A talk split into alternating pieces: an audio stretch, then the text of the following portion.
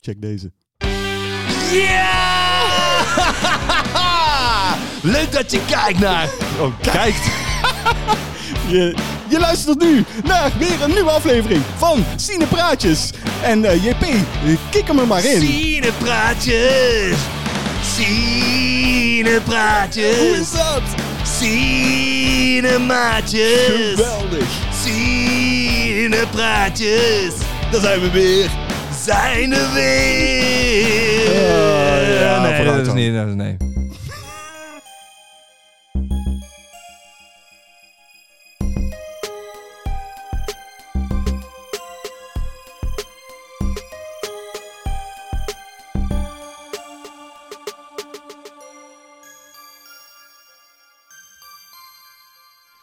JP. Top, William. Helemaal top, want wij zijn weer aanwezig bij eh, deze aflevering van Cinepraatjes. De twaalfde aflevering alweer. Jeetje. Ja, dat gaat hard, zou je bijna zeggen. Keihard. Eh, ik heb er wel zin in. Ehm, Ik eh, niet. Ik denk dat we ook flink...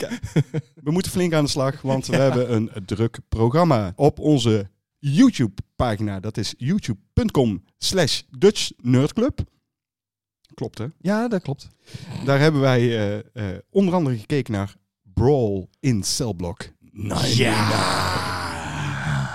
Wat een fijne film was dat, man. Ja, dat was eh, verrassend, hè? Ja, van eh Ass Crack. Ass crack. Ass Crack Zaler. Precies. Die eerder uh, Bone Tomahawk heeft gedaan. En oké, we wilden eigenlijk uh, Drag Across Concrete doen. En toen zei hij... "Ah, misschien moeten we Brawl gaan doen. Ja. En ik... Ah, mm. En dan, ben ik al, dan sla ik altijd dicht, want dan weet ik nooit... Ik, ik heb die niet gezien. En dan vind ik het altijd lastig eh, kiezen.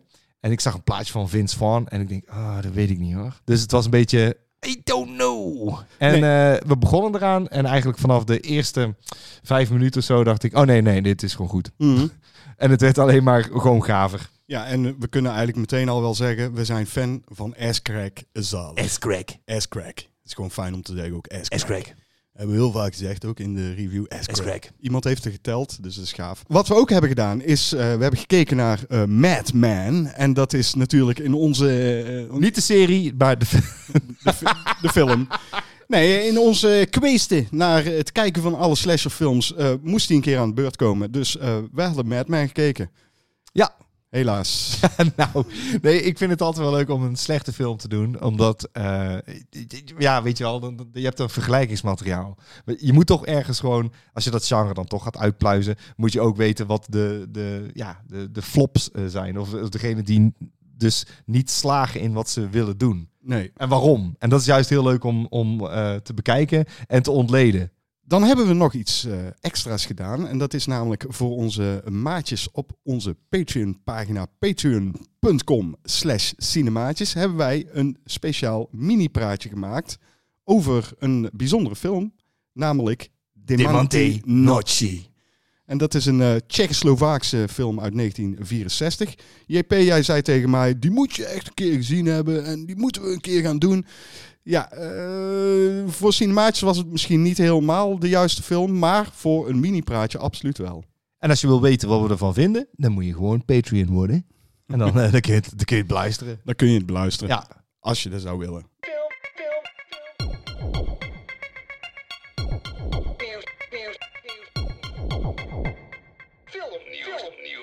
Oh, man, man, man, man. Elke keer weer dat nieuws dingetje. Oh, nou, ik heb deze week wel wat uh, gehoord hoor. Ja, heb je iets gehoord? Ja, ik hoorde dat uh, Dustin Diamond, degene die Screech speelt uh, in Saved by the Bell, dat hij dat hij dood is gegaan aan, aan kanker, helaas. De jongen heeft het niet makkelijk gehad. Hij heeft een best wel roerige carrière achter de rug, waarin ja. hij best wel wat misstappen heeft begaan. Dus hij heeft iemand neergestoken.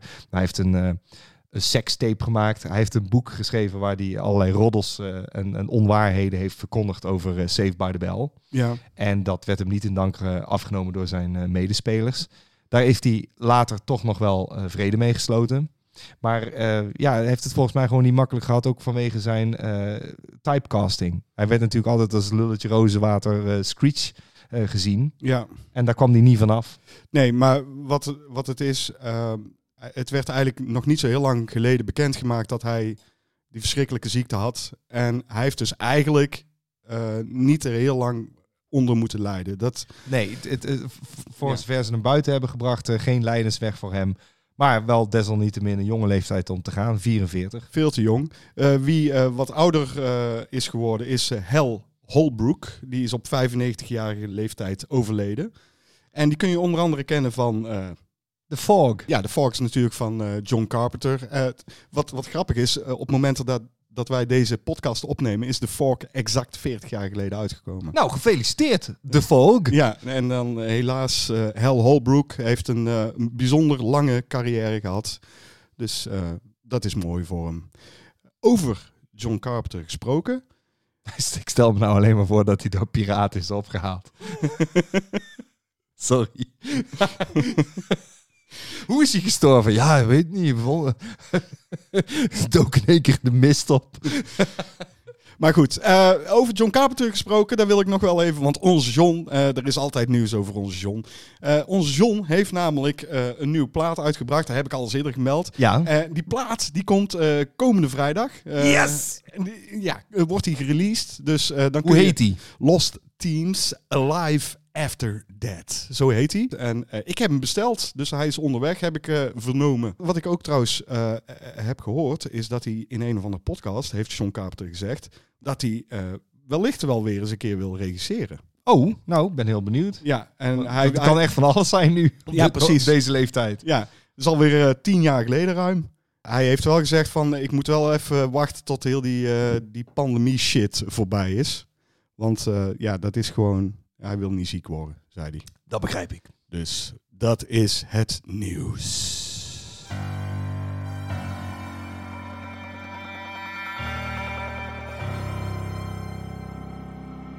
Wat heb je nou? Over de Mantenocci gesproken. Dat zijn twee jongens eh, die aan het vluchten zijn. Die worden eh, opgejaagd. Hè? Dus eh, De Hunt heb ik gekeken. Is- Nou, hè, sluit het even mooi aan. Ja, de Hunt uit eh, 2020. Het gaat over twaalf van elkaar vreemde personen die wakker worden in een open veld. En eh, ja, in het midden van het veld is een kist. Als ze die kist open doen, komt er een of ander biggetje uitgelopen. En dan blijken daar heel veel wapens in te zitten. Het is een soort eh, Hunger Games. Precies. En als ze die wapens eh, te pakken hebben, dan worden ze ineens beschoten door, door mensen. Alleen De Hunt vind ik dan weer geen goede titel. Want Nee, en dan denk je dat het de biografie is van Helen Hunt. Nee, dat is het niet. Maar wa- wat is, kijk, je hebt dus twaalf vreemde personen die worden opgejaagd. Maar ze worden, ja, ja, maar ze worden helemaal niet opgejaagd. Want degene die hun dus beschieten, die zitten in een of ander bunkertje en daar komen ze niet uit. Dat is heel raar. Dus die, die mensen die rennen op een gegeven moment weg. In, in de tussentijd hebben ze al, eh, al acht van die, van die lui neergeknald. En dan, eh, ja, dan, dan denk ik van, ja, hoezo noem je het dan de hunt? En er zit ook nog een, eh, een, eh, een beetje een sociaal-politiek satirisch eh, ondertoon in de film. Ja. Die niet helemaal naar boven komt eigenlijk. Het hoofdpersonage, gespeeld door Betty Gilpin. Ja, ik had er nog nooit van gehoord. Maar die speelt, Ik ook niet. die speelt heel stoïcijns. Dat doet ze heel goed. Maar daardoor ga je ook niet echt meeleven met zo'n hoofdpersonage. Dus Mm. ja, ik, ik heb een beetje mixed feelings. Het, het is ook een film, er zit heel veel eh, gore en bloed in. Maar dat is dan allemaal weer voornamelijk CGI. Oh, oké, ja. ja. Eh, Ja, ja, het is een film, die, ja, je moet hem niet helemaal serieus nemen, maar ze probeerden er wel een serieuze ondertoon in te gooien. Nee, het was hem niet helemaal voor mij, dus eh, jammer. Heb jij nog iets gezien? Freaky Friday. En dan de oude. Dus niet de remake met eh, Jamie Lee Curtis en eh, Lindsay Lohan. Ik heb gekeken naar eh, Barbara Harris.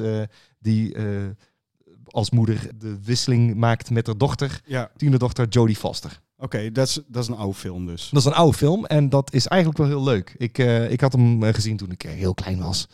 En ik moet zeggen, die Barbara Harris is fantastisch in de film. En deze film vond ik leuker. En er zat een verrassend dingetje in. Wat ik dacht, dat doen ze eigenlijk nooit meer in die body swap comedies. Normaal is het altijd, dan wisselt iemand van persoon. En dan, dan door iets komt dat weer goed. Ja. Eh, wat ze hier deden, eh, toen ze terug switchten, switchten ze ook van locatie. De dochter staat op de waterskiets in het lichaam, maar dan met de ziel van die moeder. Ja. En dan, als ze terug switcht, als de wens wordt gemaakt, staat in één keer die moeder op de waterskis.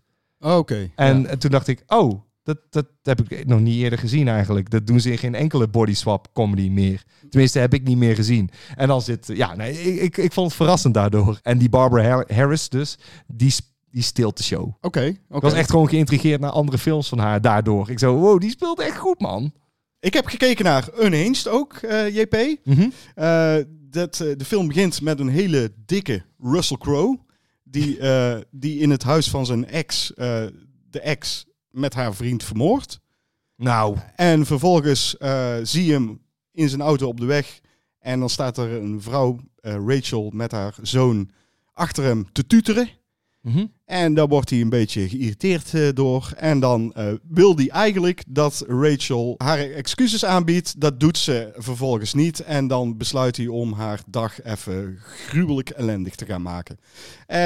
Deze film moet je echt met een eh, korreltje zout nemen. Ik zou bijna zeggen, neem hem met een heel pak zout. Want, dat heeft eh, Russell Crowe ook gedaan. oh mijn god jongen, dit is echt... Deze film hangt aan elkaar van onlogica. Dat is niet te doen gewoon. Dat je denkt van... eh, Oké, het begint dus dat hij eh, zijn ex en haar eh, man vermoordt in huis. Huis vliegt in de fik en je ziet hem wegrijden. Dan denk je dus al, oké, politie moet hem nu op het spoor zijn. Eh, meestal is het wel de ex-man. Dat is altijd. Ja, dus eh, Ja. Ze, ze zijn naar hem op zoek. Sowieso, als hij het niet zou zijn, dan is dat de eerste persoon waar ze meteen achteraan gaan. Precies. Altijd. Dus vervolgens gaat hij dus die vrouw in haar autootje lopen pesten. Door in een file tegen haar aan te lopen beuken. In een file. Dus ze staan omringd met allerlei andere auto's waarvan ik denk... Gaat niemand bellen naar de politie? Gaat niemand iets ervan zeggen? Of... Nee, gebeurt niet. Dan vermoordt hij ook nog eens iemand in een, eh, een koffiebar. Eh, in een volle koffiebar. Geen politie, nergens. Waar is de politie in deze film, dacht ik de hele tijd. Het is een enorme B-film. En, en Enorme B-film. ja, zo moet je hem ook zien. Eh, ik, ik vond het zo onlogisch en de motivaties waren zo slecht dat ik er gewoon eigenlijk niet naar kon kijken. Toch Maar je heb hebt hem toch afgekeken. ik heb hem afgekeken, ja, ja. Ja, omdat het misschien toch wel weer enigszins een klein beetje vermaak was. Ja. Ik heb ook nog gekeken naar eh, Freaky Friday. Die andere. Ja. ja, daar kan ik kort over zijn. Weet je wat me daar aan opviel? Dat hij heel erg ehm, uit, uitleggerig is. Waar, waar de eerste, zeg maar, gewoon meteen in het verhaal springt. Mhm. eh, neemt deze een hele lange tijd om de, de setup te maken. Van, eh, oh, de dochter heeft het moeilijk. En de, de moeder eigenlijk ook best wel. ja. En dat doen ze heel lang over voordat die persoonsverwisseling dan plaatsvindt. En wat ik dan ook jammer vind, is dat moet dan weer een mystiek dingetje zijn. En in de eerste is het gewoon een wens. Het is misschien ook zo dat eh, vroeger, zeg maar, langer geleden, dus in de tijden van de eerste film, werden ook dingen gewoon aan jouw verbeelding overgelaten. Ja, dat is het. Dat, dat, is, dat is 100%. Dus nou raak je precies de, de spijker op de, de, de, de kop. Ja, Dat is precies wat ik wil zeggen. Het, het is zo van, we schetsen deze rare situatie, run with it. precies. En bij die anders van, nou, daar moet er toch wel een verklaring voor zijn, hè? Heel wel, nee, dat moeten we een beetje gaan uitleggen. En dan denk ik, dat hoeft helemaal niet. Nee, dat hoeft helemaal niet.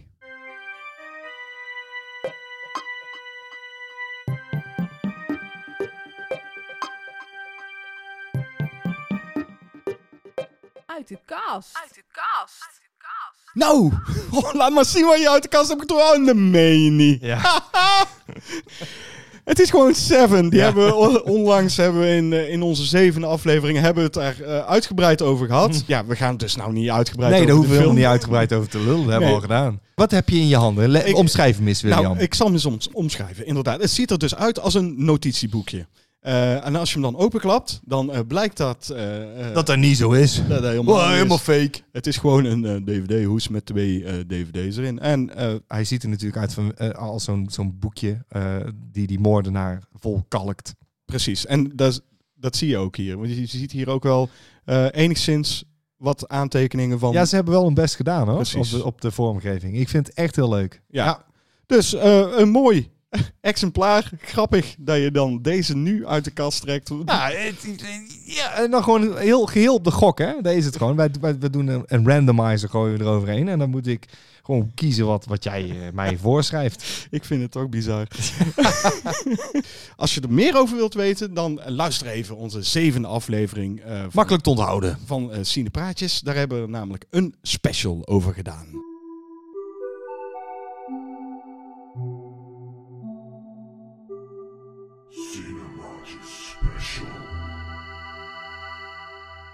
Het volgende is het geval. Eh, je hebt met de opkomst van het downloaden, met de opkomst van de video-on-demand diensten, zoals Netflix onder andere, eh, is eigenlijk de videotheek verdwenen uit het straatbeeld. Er zijn er nog enkele over. Ja. Dan moet ik eerlijk zeggen. Volgens mij zit er één in Raamsdonkveer. Dat kan. Ja, dat klopt. Ehm, misschien leuk om een keer heen te gaan. Dacht ja, ik. lijkt me wel eh, leuk. Ja. Maar ik wil toch even eventjes wel hebben over de videotheek. Want wij hebben de videotheek heel bewust meegemaakt. De opkomst zelfs van de videotheek. Ook, Ook- eh, in het dorp waar ik vandaan kwam, dat daar zelfs een videotheek eh, redelijk snel nog. Ja, Want eh, zo, zo halverwege de jaren tachtig schoten die als paddenstoelen uit eh, de grond. Ja. De, de video zelf was al eh, eind jaren 70 langzaam in het huishouden te zien. de videorecorder. Maar dan plaatsen waar je video's kan huren. Ja, daar is allemaal in de jaren 80 een beetje een ding geworden. ja dat klopt. Ehm, ja, bij ons, wij hadden ook vrij snel in de buurt al een eh, videotheek. Eh, dat was volgens mij SVO Familievideotheek. Daar ben ik lid van geweest, weet je dat? Ja, Eh, die- Toen ik hier naar Tilburg kwam en die was er toen nog. Het leuke van een videotheek is, in, in, in het verschil met de video-on-demand diensten, is je moet er heen. Je moet er echt heen. Ik wou net zeggen, het is meer als jij nu, we weten het allemaal, je kunt gewoon op je televisie kijken en dan is het klik, klik, klik, klik, klik. En dan zie je een trailertje en dan denk je, nou, die dan maar of zo. Ja. En als het niet bevalt, dan zet je hem af en kies iets anders. Bij de videotheek moest je er echt naartoe, maar dan werd het een uitje. En dan zei je ook tegen een vriend, hé, hey, we gaan een film huren. Eh, ga je mee? Ja, leuk man. En dan was het, het, de voorpret alleen al, was gewoon wandelen in de videotheek. En dan daar gewoon iets uitzoeken. En dat was spannend, want dan kwam je aan met, deze dan. Eh, Moet je, moet, je, moet je horen. En dan ging je er gewoon die kaften voorlezen. ja, En dan, of, of gewoon v- echt de covers bekijken van, oh, dit ziet er vet uit, Mo- moeten we doen. ja. En juist die voorpret is hartstikke gaaf. En als je dan echt nog eh, tips wilde weten van, oh, is dit goed? Dan ging je gewoon naar de balie. En er zat altijd wel een soort filmfriekje eh, achter de balie. Of een ongeïnteresseerd iemand, dat kan. ja. Maar dan ging je daar niet heel snel meer naartoe. Maar als het iemand was die van films hield, dan zei hij, ja, die moet je doen. Dat, dat, dat is een vette. Weet je wat dan ook een vette is, hè? Die. Het, het grappige is van de mensen die achter de balie zaten, tenminste, zo heb ik het ervaren in ieder geval, is eh, dat ze wisten van iedereen die eh, in de videotheek kwam van, oh, dit is jouw smaak. Nee, nee, Ja. nee, die, dat is echt niks voor jou. Dan zou ik deze huren, als ik jou was. Ja. De, dat konden ze dus echt gewoon zeggen. En dat, dat, dat was gewoon fijn. Ja, man, de videotheek had gewoon zoveel eh, pluspuntjes ten opzichte van eh, simpel kiezen. En het grootste, die ga ik nu noemen, is eh, dat je natuurlijk niet aan één service vastzit die alleen maar bepaalde titels heeft. En dan noem ik bijvoorbeeld een Disney Plus. Ja, die heeft alleen maar Disney titels. En, en die zullen ook niet, die zullen weggehaald worden bij Netflix. Dus je kunt zeggen, ik heb Netflix. Ja, dan moet je ook Amazon Prime erbij nemen. Je moet eh, HBO erbij nemen als je al die series wil zien. Dat is bij een videotheek niet. Bij een videotheek kom je binnen en dan, dan heb je van iedere... Is alles. Is alles. Wat je dus nu hebt bij Video On Demand, als jij een film niet gaaf vindt, dan zet je hem af. Mhm. Eh, en dat vind ik het jammer eigenlijk. Want zo mis je dus een hele hoop B-films. Die, die je vroeger wel ging kijken. Want je huurde die film. Je had die meegenomen. Heel lang had je daar oplopen zoeken van oh, welke wordt het. En had je zo vier, vijf in je handen. Oh. En die keek je wel af en inderdaad. die moest je gewoon afkijken. Want ja, ik heb hem fucking toch niet voor niks gehuurd of zo. Ja, dat En dan kon je tegen vrienden zeggen, nou, die zou ik echt niet huren als ik jou was. Ja, ja, maar dat is wel zo. Je had hem gehuurd, dus dan keek je hem. Het was een heel ritueel. Het was eh, naar de videotheek zoeken, wat vaak echt wel eventjes duurde. Dan had je de film, die ging je kijken. Dan moest je de film terugspoelen. Ja. Je had dagfilms, je had weekfilms. eh, soms dan had je echt zoiets van, oh, nou, dit weekend, dan ga ik uit, uitpakken. En dan, en dan huurde je gewoon zeven weekfilms voor zeven gulden. Is, ik, heb natuurlijk een hele hoop eh, videobanden en er zit al zo'n stickertjes eh, systeem op. Ja, Met een rode sticker, groene sticker. En die gaven dan inderdaad aan of het een dag of een weekfilm was. Ja man, op een of andere manier, hoe langer ik erover nadenk, hoe meer ik het mis. En eh, ik denk juist dat dat sociale aspect, eh, Ja. dat je naar de videotheek gaat en dat je daar ook filmliefhebbers tegenkomt, precies. dat, dat, dat snij je er tussenuit als je een streamingdienst hebt. En hoe makkelijk ik dat ook vind, en dat vind ik, want het is heel fijn om vanuit je huis gewoon te kunnen kiezen. Het is toch een gemis. Ja, want eh, als je dan stond te zoeken naar een film, dan kwam er wel eens iemand bij staan en die zei, je moet die film kijken man, die is echt gaaf. Dan keek je die kerel aan of vrouw en dan van, oh, Eh, nou, Ja. die, die weet. eh, hoe- zo. En dan, ja, nou, ik heb die meerdere gezien van die regisseur. En dan had je een, gesprekje. Ja, Maar zo leerde je meerdere mensen kennen. Ik ken nog echt al mensen die ik in de videotheek heb leren kennen. even nog terug naar het begin Ja. eh, eh, van, van de VHS-banden. Eh, zo gaaf was dat. Eh, de, de videotheken kwamen overal eh, ineens opdoemen, zeg maar. En toen eh, ha- hadden we nog geen video. Ik wou net zeggen, ik, weet- ik, ik, ik zat jou aan te kijken. Ja. Ik denk, ik, die gaat het hebben over die koffer. Ja, de Ja, moviebox. Ja, ja, ja. De moviebox, dan moest je dus een moviebox huren. Dan, dan huurde je dus een, een koffer Ja. met daarin een, wij ook een, nog een videospeler. Volgens mij hadden wij pas in 88 of zo echt een videorecord. Een tweedehandsje natuurlijk, maar eh, dat is laat eigenlijk. Want veel vrienden, daar keek ik wel eh, filmpjes. Ja, En, maar, maar filmbox inderdaad huren, ja, ja, zeker. mo- moviebox was het. en dat doe je een paar keer. En op een gegeven moment dan zeg je ouders ook van... Ja, dan kunnen we net zo goed een video eh, kopen. Ja, precies. dus op een gegeven moment had je dus die SVO-familievideotheek, eh werd filmclub op. eh, en die, die, die is nog lang gebleven in, op de Westermarkt in Tilburg. Ja, klopt. Ehm, maar die had niet altijd alles. Er waren speciale, eh beetje arthouse, eh Cinecitta films noemde ik dat altijd. En dan ging je naar de cinematheek. En de Cinematheek had echt goede titels. Ja.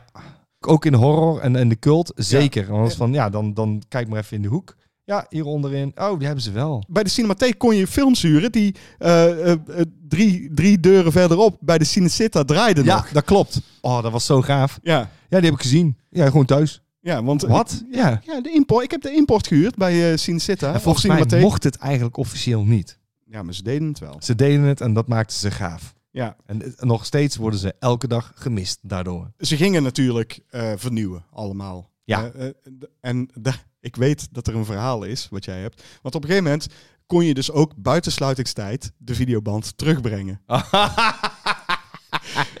ja. Bij Videoland Ja. hadden ze zo'n afgegifte punt in de muur. Ja. JP, vertel, vertel. Nou, eh, ik was een keer... eh, ik, ik moest... eh het was met Huub dit. En die zei... Je moet de Six Sense... moet je, heb je die niet gezien? Ik zei... Ik heb die niet gezien. Ja, die moeten we gaan kijken. Ja. Dus eh, het was midden in de nacht. En eh, dronken.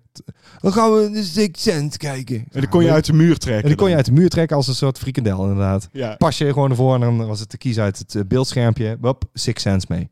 Dus wij film kijken. Ik val in slaap, halverwege. Ja. Maar ik moest hem toch terugbrengen, want het is een dagfilm. ja. Dus ik midden in de nacht terug. Wat nou het ding was, en daar kwam ik later pas achter, is ik had eh, niet genoeg geld op mijn pasje staan. En dan moet je eigenlijk je pasje opwaarderen voordat hij het ding in kan nemen. Ja. Dus die band die bleef hangen en die deed... En ik dacht, oh, eh, dan, eh, dan, dan haal ik hem wel terug, want er zat een soort lopende bandje in. Dan, dan, als ik dat lopende bandje stop, dan kan ik het misschien pakken. Ik, ik klem mijn vingers achter dat, dat bandje en ik trek en ik heb in één keer dat bandje in mijn handen. De, dat, eh, dat rubberen eh loopbandje. Ja, ja. Maar wat het transportbandje van de, van de video. Van het apparaat. Dus denk, ah. En toen lag die band halfwege. En ik denk, ja, als iemand hem nou pakt, hè, dan ben ik de lul. Dan gaat het me geld kosten. Ja. En toen ben ik naar huis gegaan om een plank te halen om dat ding een duwtje te geven. Iets te hard. Maar dat ding... En hij had hem ingenomen. Ik denk, nou, dat is mooi. En ging het je geld kosten? Het ging me 1000 euro eh, kosten. Want je had het heel apparaat gesloopt. Ik had het apparaat gesloopt. Eh, het stom is, ik had me voorgenomen om een lulkoekverhaal eh, te verzinnen. En dat ging als volgt. Ik zou dan zeggen dat het een dronken ier was. En ik was met auto, ja, ik heb een band meegegeven. Ik weet niet wat er allemaal mee is gebeurd. Dat was het idee. Ja. En ze bellen op. Hallo, videotheek boep. Heb jij toevallig ons apparaat kapot gemaakt? En het eerste wat ik zei is, ja. en ik denk, wat is mijn verhaal? Ik had een heel verhaal. Wat? Nee, ik heb gewoon, ik, ik, ik klapte er gewoon uit. Ja, heb ik gedaan. Ik denk, ah, oké. nu eh, zijn er dus nauwelijks meer videotheken. En Ja. ik wil eigenlijk eh, aan jou vragen, JP. Heb je enig idee hoe een videotheek, want het is wel een gemis. Hoe kan een videotheek nu tegenwoordig nog wel succesvol zijn? Daar heb ik over na zitten denken. En ik zat, ik zat even, dat vind ik heel leuk, want ik vind het echt een gemis. En dan moet het inderdaad zo'n sociale plaats worden waar je als filmliefhebbers naartoe kan. Dus een beetje à la de Lokhal. Ja, Een, een, een leuke eh, ingerichte eh, winkel. ja, Waar je wel, eh, en dit, daar heb ik over na zitten denken. hè. ja. ja. Eh, wel ouderwets. dus hoezen kan eh, zien. Mhm. Met het verhaaltje op de achtergrond. En het liefst gewoon eh, VHS-banden. want dat maakt dan niet uit. ja, En dit- dan, dan ga je echt, als je dus naar de balie gaat om ze mee te nemen, dan, dan moet er iets van een code of een, een streepjescode of dingetje op zitten. En dan, poedeloep, En dan wordt die gewoon op je kaart gezet. En dan kun je ze misschien gewoon thuis, eh, wel via streaming. Dan, dan komen ze in jouw eh, eh, box of zo, of jouw inbox. En dan kun je ze, of dan heb je het linkje om het te bekijken. Ja, ja. Dus je gaat wel echt films zoeken, zoals je het vroeger deed. Van, Ja. nou, oh, die vind ik leuk. En dan krijg je die ook mee. En dan betaal je ook gewoon per film. En ja, je moet er ook uiteraard gewoon eh, snacks kunnen kopen. ja. En het moet een beetje aantrekkelijk zijn. Dus eh, je moet kunnen zitten. Misschien kun je zeggen van, hey, mag ik een stukje zien? Dat ze een stukje op kunnen zetten. Je moet ook inderdaad mensen er hebben werken die jou kunnen wij- wegwijs maken in wat jij zoekt. hey, Ja. je houdt van horror, je houdt van cult. Oh, je houdt van drama. Nou, dan moeten we die hoek in. Je houdt van filmhuis. Dan hebben we die hoek. Precies. Dus echt eh, gewoon, je moet aan de hand meegenomen worden als je dat blieft. Wat ik nu eh, weet van videotheken die nog wel bestaan, is dat ze hebben nu eigenlijk een soort van abonnement ingevoerd. Dus je betaalt, eh, laten we zeggen, 7,50 euro per maand. En dan kun je elke dag een film komen huren, in principe. Dat, dat ga je niet doen natuurlijk. Nee. Maar zoiets zou, ja, zoiets zou kunnen. Eh, dus dat is hoe de videotheken nu, die, die er nog zijn, werken. Ik denk dat als jij dit aantrekkelijk maakt en je, en je zorgt ervoor dat het een sociale plaats wordt, Ja. net zoals dat een bibliotheek dat nog steeds is. Want je kunt zeggen, ja, ik kan eh, boeken online lezen. Maar dat doet niemand. De, iedereen gaat nog steeds gewoon boeken eh, huren. Dat dat is gewoon nog steeds een ding. En iedereen is echt nog wel lid van een bibliotheek. Dus ik denk dat een videotheek nog wel rendabel zou zijn. Als je het lijfelijk dus, ja, tastbaar dus. Ja, en dan, dan moet je dus wel inderdaad een, een tripje maken. Maar nogmaals, als dat gebouw en de mensen die er werken leuk zijn... dan denk ik dat je daar wel naar terug gaat. Maar dit, dit is misschien ijdel denken of zo, dat weet ik niet. Misschien moet je een niche zoeken ook. Dat je zegt van, we doen echt alleen maar VHS. Of d- dat kan ook werken natuurlijk. Dus Ja, dat je niet met zo'n passysteem werkt, maar dat je echt nog VHS en dat je bijvoorbeeld die movieboxen gaat verhuren. Want er zijn heel veel eh, films op VHS uitgekomen. Ja. Die lang niet allemaal op DVD zijn gekomen. Mm. Die zeker mm, dan ook niet op eh, Blu-ray zijn gekomen. Dus als je puur en alleen eh, focust op de VHS-banden die nooit een, een DVD-release of een Blu-ray-release hebben gehad, dan, dan kom je in een cult. eh, Dat klopt. En, maar weet je, het is, ik denk dat mensen wel uitgaan van het gemak. En zeker als ze een nieuwere set hebben, dus ze hebben een, een, een duurdere televisie. Ja, Ik denk dat je ze wel tegemoet moet komen. Zeker ook als je die, die jongeren hebt, die, die kennen alleen dat. Dat je de VHS misschien wel gedigitaliseerd hebt. Maar wel Hmm. VHS, zodat je het kan ervaren zoals het was. Maar ook voor me- mensen die daadwerkelijk voor de VHS. Ik denk een optie zou je moeten geven. ja, ja. Maar ik ben heel bang dat als jij eh, echt alleen maar videobanden gaat doen, dan kom je weer met. s- sommige zijn zeldzaam en die komen misschien niet terug. En ik wil dat, dat elimineren. Ik heb zoiets van, we zijn er toch verder. Maar ik wil wel mensen naar de winkel halen. Je moet gewoon lijfelijk je films gaan halen, omdat het bij de ervaring hoort. ja. Dat, Ja. dat is waar ik meer de focus op zou leggen. Want die film die ga je uiteindelijk toch wel kijken. Precies. Het is, het is moeilijk, denk ik. Ja, dat is eh, het. Maar ik vind het wel leuk om erover te fantaseren. Het is wel iets wat, eh, wat ik graag weer terug in het straatbeeld zou willen zien. Een videotheek gewoon. Ja, jullie ook? Laat het ons weten. Precies. Want eh, w- wij denken er in ieder geval zo over. Vragen, vragen, vragen. Je kunt het aan ons vragen in de vraagbak. We hebben eh, heel veel vragen gekregen. eh, eh, maar we hadden ook nog heel veel vragen staan. Eh, we hebben heel veel vragen gekregen die we in de wacht hebben gezet. Dus we gaan niet alle vragen beantwoorden die we al hebben gekregen. Eh, we gaan ook oude vragen wel beantwoorden. Het, Yes. het wordt een raadje toe aan vragen die we allemaal hebben binnengekregen. Zo hebben wij een eh, vraag een aantal weken geleden binnengekregen van Rosanne Broek. Ja, kom je er eindelijk een keer bij. Juist, Rosanne. juist. En Rosanne die vroeg aan ons, welke film is het meest iconisch slash bepalend geweest in jullie jeugd? Ja, weet je, het, daar heb ik heel lang over na zitten denken. En dan wordt het heel erg cliché. Want wij komen uit helaas die periode waarin al die films die je nu gaat noemen, en die ga ik ook noemen, Ja, maar dan is er van, oh, dan, alsof we er niet over hebben nagedacht. Maar je moet niet vergeten dat ik ben geboren in 1977, dus ik was acht toen deze films allemaal uitkwamen. Maar uiteraard kom je daarna met Ghostbusters, Back to the Future. En, ehm, maar ik, ik wilde daar een beetje van afwijken. Ja, dan zou je kunnen zeggen The Goonies, Mm. The Lost Boys. Ja. ja, maar dat komt omdat wij dus die leeftijd hadden. En jij was Precies. net iets ouder, maar je zit wel in diezelfde categorie van films die je gezien zou kunnen hebben in de bioscoop. Of waar je mee bent opgegroeid. Of de videotheek. Hey, Dat klopt. sluit mooi aan. Want ik eh, heb opgeschreven wat mij is bijgebleven. Mhm. First Blood Omdat iedereen het daarover had op school. Oh, iedereen wilde dat Rambo-mes hebben. Iedereen had dat Rambo-mes. Dat klopt. dat is echt... Eh, voor mij is iconisch ook wat mij is bijgebleven uit mijn jeugd. Ja. En dan zit ik ook te denken aan posters die voor mij meer zeiden dan dat ik de film ooit had gezien. Mhm. En dan moet ik toch de lift eh, noemen. Ja, nee, ik wist niet waar die over ging en ik vond het doodeng. Ja. Maar dat was alleen de poster, hè? En dan heb ik de film niet gezien, maar dan ga je een heel idee vormen van hoe eng dit zou kunnen zijn. Dus voor mij is dat redelijk bepalend eh, geweest. Mhm. En zo kan ik mij ook een poster herinneren van eh, Lemon Pop. Heb ik op moeten zoeken dit hoor. Lemon Ja. Popsicle 4, eh, Baby Love. En daar stond een dame op met rolschaatsjes. Jezus. En, en die, nou was, ik denk dat ik zes of zeven was. En toen dacht ik, no. Ik heb er nooit van gehoord. Oké, nou, ik, ik heb eh, deze vraag meer het eh, bepalende dan het iconische heb ik eh, genomen, zeg maar. Dus ik was denk ik een jaar of acht, negen toen ik eh, bij mijn oom en tante logeerde. En die hadden heel veel kinderen. Dus ik had heel veel neven en nichten, maar die waren allemaal ouder dan ik. En ehm, ik weet nog dat ik dus 8, 9 was en dat ik eh, op een gegeven moment eh, de kamer binnenliep en ze waren godverdomme de Exorcist aan het kijken.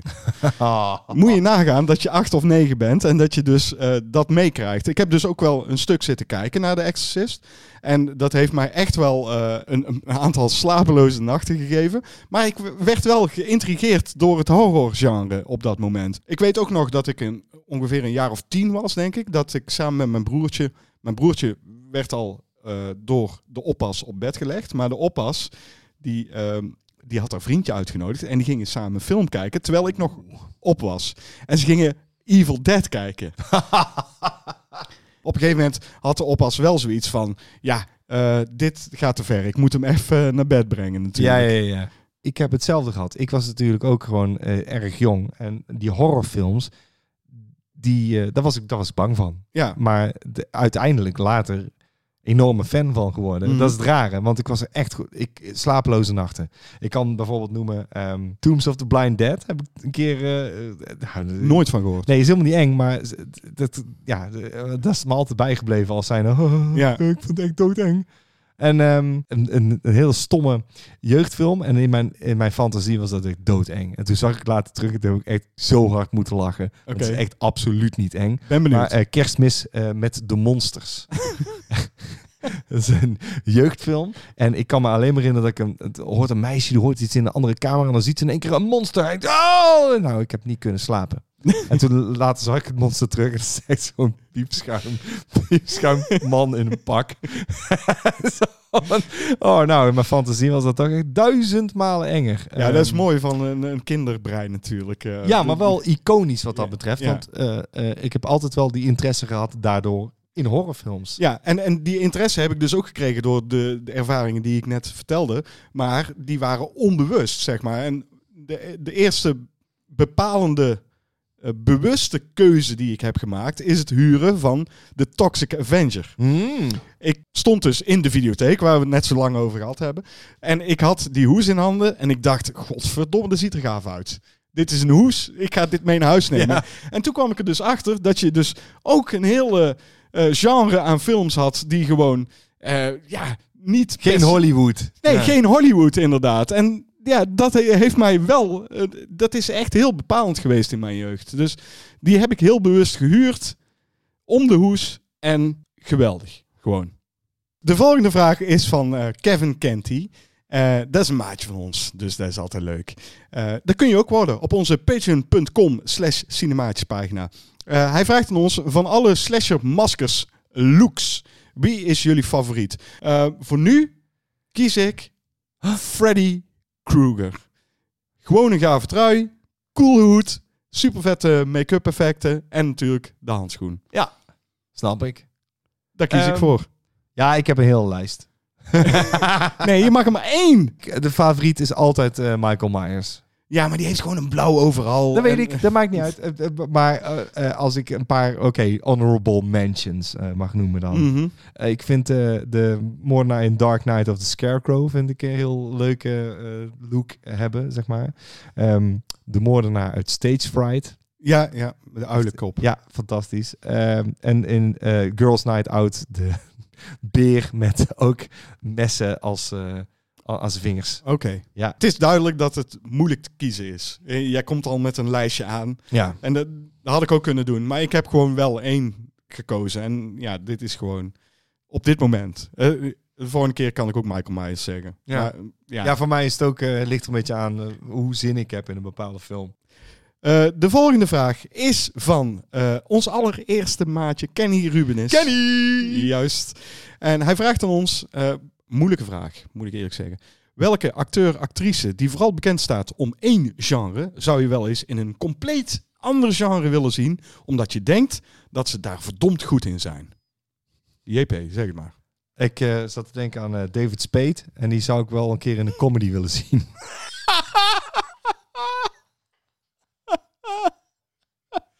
Want ik weet dat hij daar heel goed in is.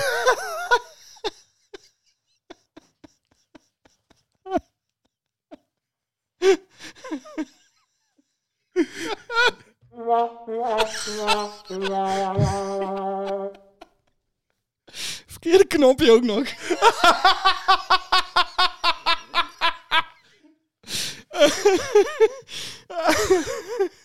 Ja.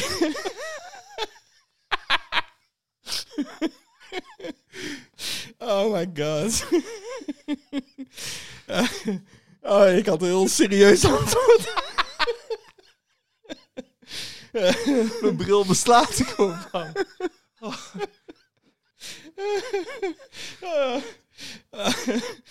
En dat is het leuke van, eh, van de vragen meestal, is dat wij niet van elkaar weten wat voor antwoord we gaan geven. En dat houden we altijd geheim voor elkaar, dus dat is super grappig. Eh, ik vind het gewoon moeilijk, weet je, eh, Kenny, want ik ga het serieus proberen te beantwoorden. Meestal vind ik dat ook gewoon niet zo'n hele gave acteurs of actrices, eh, die maar één genre doen.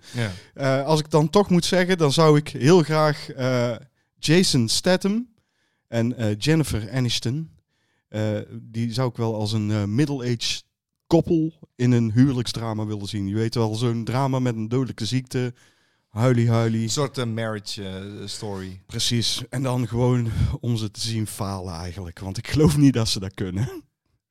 Maar goed, jouw antwoord was veel malen beter. Goed, volgende vraag is van Antonio Hancock. Anton. Anton. Hey.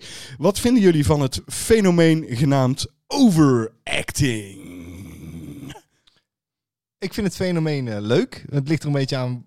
Ja, dat is een moeilijke vraag als je het gaat ontleden. Ja. Overacting kan ook inhouden dat jij in je rol eh, lekker smiert. Mhm. En dan kan ik voorbeelden noemen. Ik, eh, ik heb opgeschreven Dungeons and Dragons, eh, Jeremy Irons. Ja, ja Is daar zo ongelooflijk aan het smieren. klopt. En dan heb je eh, Elizabeth Banks als ehm, de heks, zeg maar, in de Power Rangers. ja, Die is, heeft ook een portie overacting. Het is belachelijk. Maar dat kan ook een feest zijn om naar te kijken. ja, ja, eerlijk is eerlijk. Overacting klinkt vaak als iets slechts. Ja. Meestal is het dat wel, maar dat is het niet altijd. Het, het ligt gewoon echt aan... Sommige rollen vragen gewoon om overacting. Ja, een go- En- goede villain Ja. eh, in, in, in de juiste setting. En dat kan zijn een, een kinderfilm of, of inderdaad een, een film waarvan je weet, oh, dit is echt B. Ja, Dan mag het. ja en, en een goede acteur die kan zo'n rol aanpakken. Een slechte acteur die overact is meestal foute boel. Een goede acteur die ik eh, vind eh, overact is natuurlijk Bruce Campbell. Die, Ja. En vooral in de Evil Dead films. ja, en ook de serie. Eh, dat is gewoon echt eh super gaaf, vind ik. Dat is gewoon genieten geblazen. Ehm, wat ook eh, een goede overact rol is, is Al Pacino in Scarface. Ja, zeker. Die, die, die overact zo erg dat je gewoon echt het idee hebt dat hij continu helemaal stijf staat van de kook gewoon. En Ja. dat, dat moet hij ook zijn. Klopt. Ja, het is... Het is ik, ik vind het begrip prima genoemd. En het is echt afhankelijk van het genre film. Eh, of iets tot zijn recht komt. Want het- dan ligt het ook aan de regisseur. Want eh, soms dan denk je, ja, dit, dit, dit werkt niet. Eh, Jeremy Irons nogmaals in, in Dungeons and Dragons. Dan denk je, wie heeft dit goedgekeurd? Want dit had kunnen werken. Ja, En ik denk dat hij wel zijn best deed. maar Misschien dat hij niet helemaal duidelijk wist waar het om ging of zo. En dan had een regisseur hem bij moeten spijkeren. Want dan behoedt, dat behoedt iemand voor een slechte rol. Ja. Of een belachelijke rol, want dat kan ook. Maar dan, dat is echt al de taak van de regisseur, vind ik. Nee, ja, dus overacting, eh, Anton, is gewoon ja, afhankelijk van de acteur, de rol, de regisseur, het genre, de film. Ja, en dat kan heel amusant zijn of heel fout. Precies. Exact.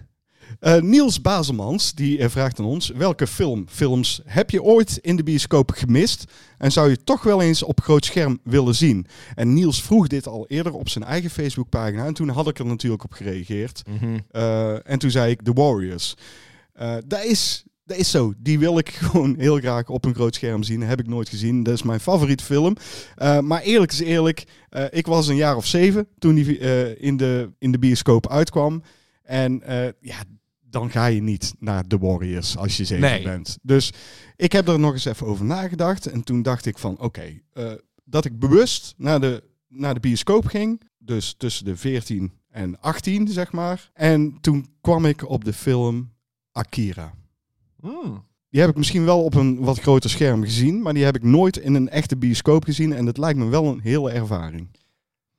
Oké, dat is dat een verrassende keuze. Eh, waar ik eigenlijk sinds kort spijt van heb gehad, eh, is, eh, het is heel simpel. want ik, ik kom gewoon met een nieuwe film aan, waar- waarvan ik gewoon van baal dat ik hem niet in de bioscoop heb kunnen zien. Dat kwam door corona ook. Dat, is het, dat is het nare. Dat was The Lighthouse. Ja, Wij hebben hem wel gezien, alleen ik had hem ook nog graag op groot. Ik had nog, ja serieus, ik, ik, ik had er zin in. Ik, ik, ik wilde die absoluut zien in de bioscoop.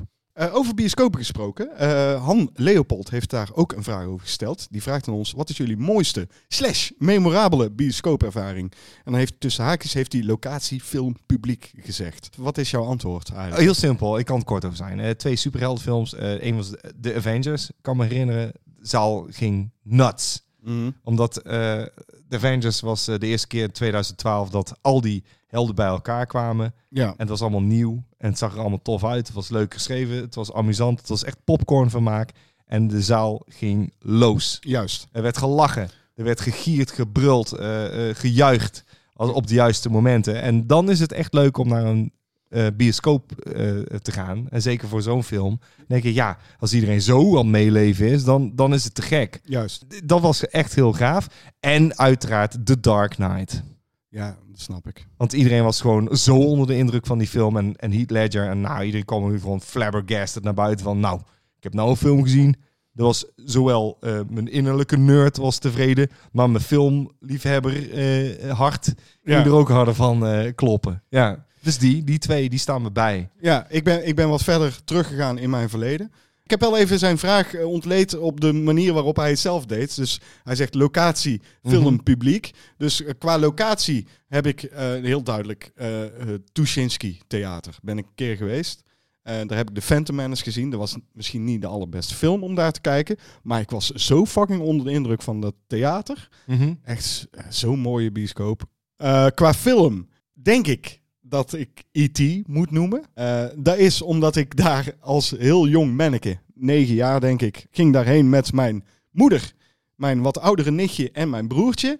En eh, het was de eerste keer dat ik een film iets zag doen met mensen. En dan bedoel ik eigenlijk mijn moeder en mijn nichtje. Want die zaten gewoon keihard te janken naast mij. En toen zijn mijn broertje en ik ook gaan huilen. Omdat mijn moeder en mijn nichtje aan het huilen waren. Toen dacht ik, dus dit wat op het scherm te zien is, kan dit bewerkstelligen? Ja. Dat is indrukwekkend. Dat is gewoon indrukwekkend. Dat klopt. Eh, dus dat is qua film. En qua publiek eh, moet ik 100% zeggen, het publiek bij The Night of Terror. Ja, oké, daar sluit ik mij volledig bij aan. En dan, ja, ik ga niks herhalen. Schreeuwen. Eh, Het hoer. huis heeft het gedaan, hoer! Oh, heerlijk. Iedereen is een hoer, iedereen heeft het gedaan. En, en het is allemaal, je kunt de film niet volgen. Weet, dat is niet weet, erg. je, weet je nog eh, dat we bij de Night of Terror waren eh, in Amsterdam dus? Hè? Eh, Bij de bewuste dat, eh, dat er een aanklacht eh, werd Ja, ingediend? Ja, daar waren we bij. Dat was de film eh, waar eh, Alia in zat. Ik ben trouwens overigens enorm fan van Alia. Qua muziek, hè? Dus laat ik daar even voorop hebben gezegd. Queen of the Damned was het. En zij eh, was dus net overleden, eigenlijk. Ja. Het, het gave is, bij Night of Terror gaat iedereen schreeuwen naar het, naar het doek. Gewoon gaaf. Dat, dat was gewoon super vet. En op een gegeven moment... Ja, maar Alia praat in die film met een heel erg irritant... Yes, the Romanian accent. Precies. En, en het was zo Ja. irritant dat iemand op een gegeven moment riep... Hou je bek, zwarte doos! en dat was zo'n goede grap, vond ik. Maar hij kan eigenlijk niet, natuurlijk. Want Maar- het, het, het sloot zo aan bij hoe Ja. zij is omgekomen. Zij was net- Vliegtuigongeluk. en er waren dus echt mensen die klachten hebben ingediend. En, en Racisme! geld terug. Racisme! Maar die waren dus nooit op de Night of Terror. Die kwamen alleen maar omdat Alia in die film zat. Dat was het, want die, die waren echt alleen maar aanwezig bij eh, die voorstelling. En Ja. toen waren ze meteen ook weg. En die hebben klachten ingediend. En toen dacht ik, dan weet je niet wat de Night of Terror is. En ik kan daar heel slecht tegen. Daar kon ik ook heel slecht tegen. Want je kunt heus wel dingen met een korreltje zout nemen. En ik weet heus wel dat dingen soms te ver kunnen gaan. Ook in humor. Dat Mhm. snap ik absoluut. Maar als ze ergens niet aan mogen komen, is het hoe ik humor beleef. En hoe sch- schokkerend het soms kan zijn. En hoe beledigend en schertsend het mag zijn. Eh, dat weten we allemaal. Dat het gewoon pijn kan doen. En kan, eh, weet je wel, een prikken. Maar het zijn maar fucking grapjes. Het was de scherpste grap ever die ik, ik vond het heb. prachtig. Echt. Ja, ik ook. en nee, dan zijn we geen racisten, want zo zijn we niet. Nee, ik ben, ik ben serieus echt fan van Alia. Ja, dat meen ik serieus. Ik heb hier cd's in mijn kast staan. En ze zag er in die film prachtig uit. Absoluut. Eh, de volgende vraag is van Mark Beulen. En die heeft bij de Hey oh, Cinematheek... Cinematheek! Cinematheek. Hij heeft bij de Cinematheek gewerkt. Ehm, hebben jullie eh, Martin Koolhoven's programma De Kijk van Koolhoven over cinema wel eens gezien? Zo ja, wat vonden jullie ervan? Hij heeft nog een subvraag. Hij heeft één aflevering Eurohorror genoemd. Wat vonden jullie van zo'n term? Of van alles op één hoop gooien? Kunnen jullie hierin vinden of niet? Ik heb er zeker naar gekeken. En ook best wel met veel plezier. Eh, maar ook met heel veel irritatie, moet ik eerlijk zeggen. En natuurlijk heeft Martin heeft heel veel verstand van film. Ja, Dat- ik, dat- ik wil best een avondje doorhalen met Martin Koolhoven. Precies. Ik, ik, ik, ik, zie ook dat hij gepassioneerd is. En ik heb met diezelfde irritatie zitten kijken. En, en ik doel voornamelijk...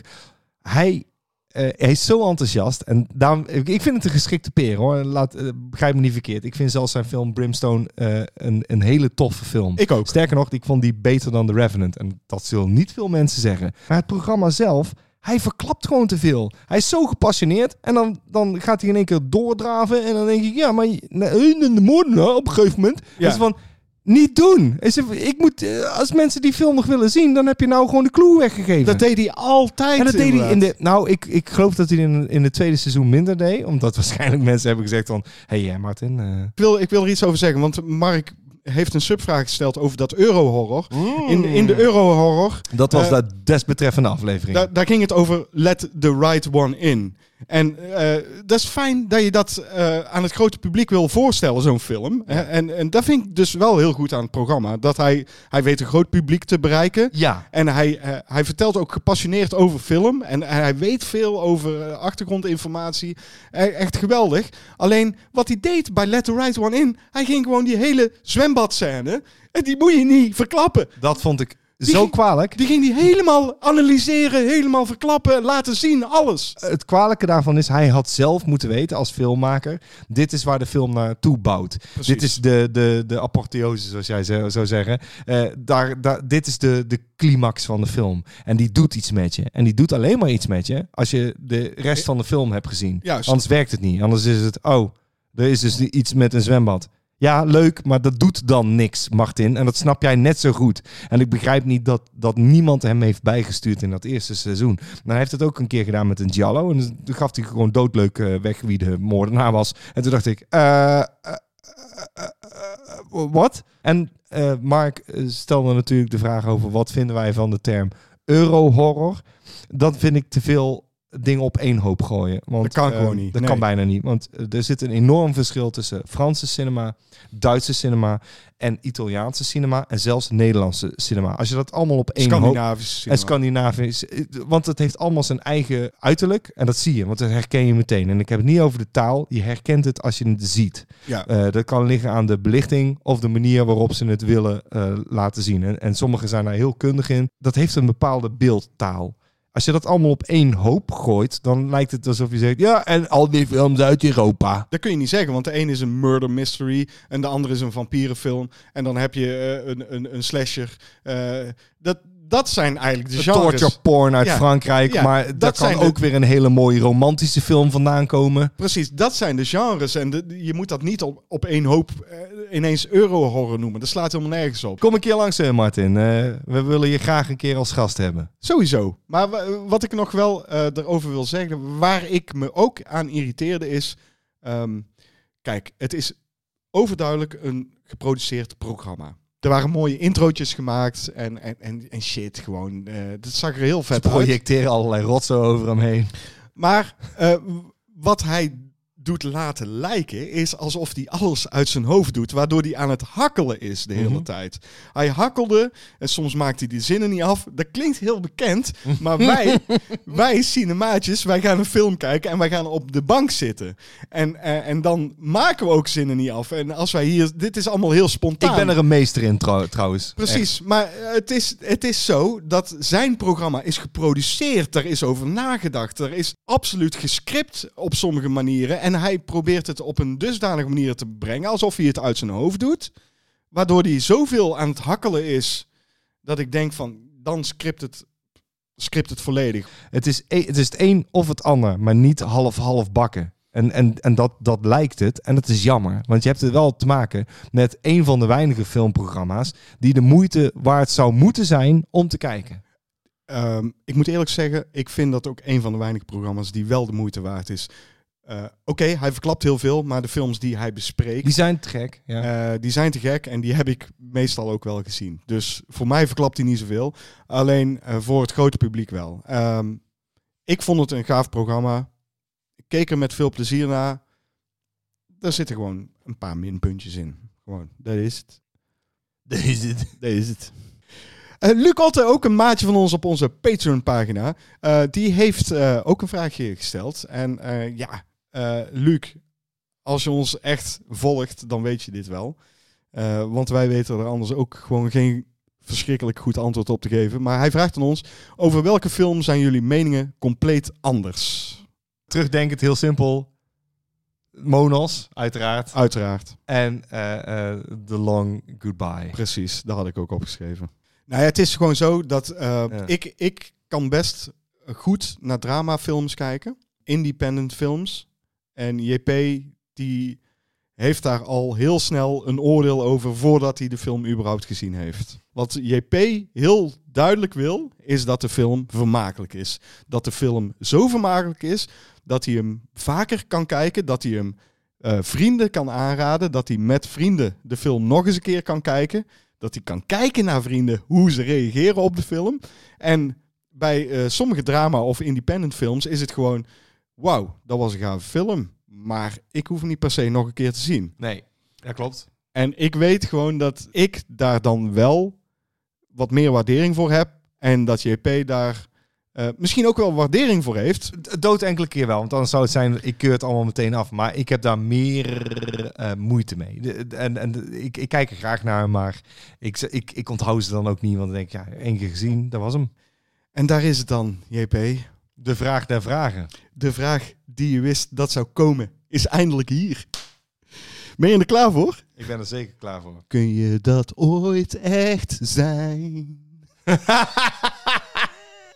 Ons Patreon, Peter van Hoof, die, die vraagt aan ons, eh, de vraag dus, de vraag der vragen. Hij vraagt aan ons eh, de top drie van beste filmboobies. En voordat je iets antwoordt, Ik zeg helemaal niks. Ik wacht op jouw eh, dingen. eh, wil ik zeggen, dit is haast onmogelijk om te beantwoorden. Er is zoveel moois te zien. Dat wil ik gewoon überhaupt zeggen. En dat zeg ik met alle respect voor vrouwen. Het is er gewoon ingeslopen dat wij, als er tieten in beeld komen, daar iets over moeten zeggen. Ja, nee, ik vind het wel goed dat je dat aanhaalt. Want ik denk, eh, ik had laatst een vriend over de vloer en die vond het eh, lastig. Dat wij eh, dit... ja, dan heb je het alleen maar over tieten. En toen dacht ik bij mezelf, maar niet om het een of ander. Ik zei, ik kan heel hypocriet zeggen dat ik daar niet naar kijk, maar dan lieg ik. Precies. Ik kijk wel graag naar borsten. Tuurlijk. En het is zo dat in, in films tegenwoordig... Ze komen wel voor. Alleen het, het is wel sneller dat ze zeggen... Nou nee, laat, hou de kleren maar aan. Ook vanwege de, de, het sentiment wat veranderd is. Maar het- dan denk ik bij mezelf... Je, je hoeft je nergens voor te schamen. En hè. we zijn gewoon het is- mannen. we zijn, de meeste mannen zullen heus wel gewoon eh, het leuk vinden om naar een stel borsten te kijken. En als ze zeggen dat het niet zo is, dan ga ik nu gewoon eh, het verklappen voor vrouwen. Die mannen, die liegen.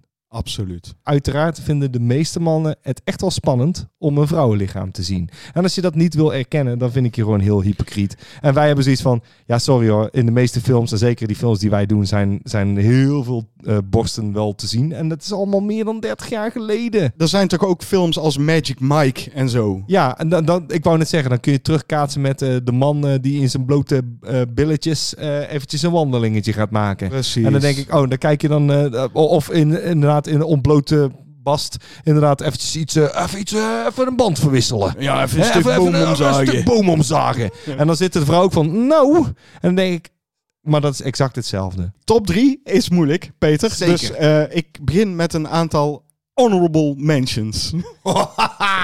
de, de allereerste die ik wil noemen is eh Akme Marijnissen. En die speelt Madelon in Schatjes. Eh, het is mooi, want dat is misschien een van de eerste tietjes die ik gezien heb in, eh, in een film. Eh, ik was toen een jaar of elf en het mag zo wezen. Het is gewoon zo. Zij was slechts 14. Dus ik kan eigenlijk wel zeggen, die regisseur is niet helemaal kosher. Zuiver op de graad. Precies. Maar eh, ja, dat heeft me wel geraakt. Toen eh, is het begonnen, zeg maar. Ja, ja, ja. Heb je ook eh, honorable mentions? Ja, ik heb inderdaad honorable mention en dit is natuurlijk Edwig Fennek. Eh, want dan zou het heel makkelijk zijn. Ik zeg, ja, die, daar was ik zeker van onder de indruk. Maar die gaat vrijwel in iedere Giallo wel uit de kleren. Precies. Ik heb nog meer honorable mentions. Eh, namelijk eh Linnea Quigley in eh, The Return of the Living Dead. Super gave scène. Zij danst op een graf. En niet alleen tieten, ze gaat full, full naked gewoon. Ja, ze heeft al, volgens mij, Ja, ze heeft ze een- heeft een dingetje, dingetje. een dingetje over de... eh Zo'n eh, over vleeskleurig, heen. vleeskleurig maandlapje. Ja, natuurlijk eh, zouden we dan eh, Elizabeth Berkley eh, kunnen noemen. En alle vrouwen in eh, Showgirls. Heb ik ook als honorable mention. En dan zijn we bij onze top 3 aangekomen. Oh. JP. Wil, wil, eh, wil jij beginnen met de top... Nee, ik begin wel trouwens met de top 3. Ik begin met de top 3. de top 3 is eh, de linker, de middelste en de rechterborst uit Total Recall. Ja, dat snap ik. ik voelde hem aankomen. Ja, was een grapje natuurlijk. Nee, Ja. Begin jij maar gewoon met jouw drie. Drie. Ehm, ik denk dat ik... eh, eh, ja, nee, de, de, de- simpel. Ik denk dat ik eh, Angelina eh, eh, Jolie eh, op nummer 3 heb. Mhm. In eh, Cyborg eh, 2. Oh, die film kan ik me niet voor de geest halen. Oh, een ongelofelijke B-film. Maar eh, er is niks mis mee. Dat kan ik je wel vertellen. Ik kan je wel vertellen. ik heb zin om te kijken. Eh, zal ik... ik zal even mijn eh, nummer drie eh, noemen. Dat is, we hadden het net al over Elizabeth Berkley, maar dit is een andere Elizabeth. Namelijk Shannon Elizabeth. Ja, ik wou het net zeggen. Die heb ik op drie staan eh, uit American Pie. Die, je weet wel, die foreign exchange eh, student. Ja, ja, ja. Eh, Oh, die, Die heeft heeft ook zeker mooie heeft- borsten. Ja, en die heeft een schitterende scène ook. Dus dan zie je ook de borsten goed in beeld. Ah, ja. Heb je nummer twee? Ik heb nummer twee, dat is Natasha Henstridge in Species. Oeh, echt? Ja. N- Niet zo grote borsten. Nee, maar weet je, het is, ik, eh, ze hoeven voor mij niet groot te zijn om mooi te zijn. En dan heb je inderdaad, ik, ik ga dan wel heel vaak voor gezichtje en, en, en borstjes. Ja.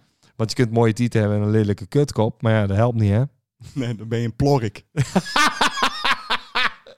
Maar in dit geval van, oh man, eh, en ze is prachtig om te zien. En eh, Ik vind het een verrassende keuze, JP. Mhm. Dat hij nog boven Edwig Vennig is uitgekomen.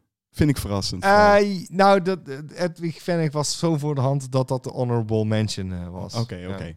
Eh, bij mij staat op twee en dat is puur en alleen omdat dat, eh, dat, dat was mijn, eh, mijn, mijn puur liefde.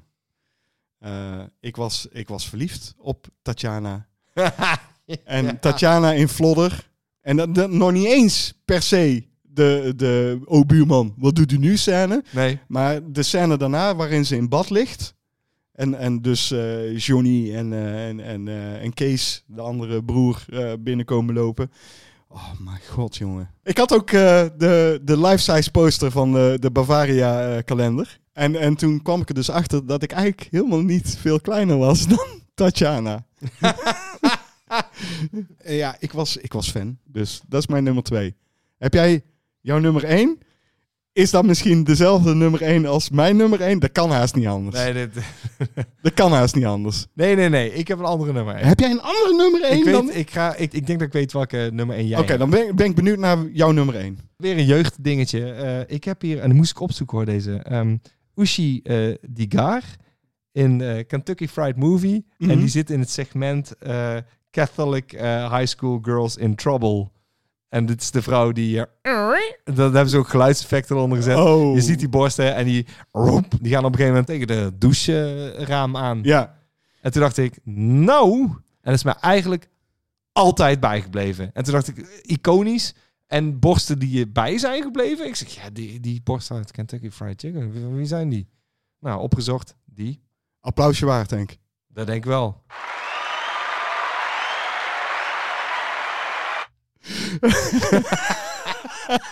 ja, en er komen nou ook weer applauswaardige borsten. Want ik weet precies welke jij eh, gaat zeggen. Eh, nou ja, mijn nummer één, dat kan haast niet missen. Eh, deze film hebben wij gedaan met cinemaatjes.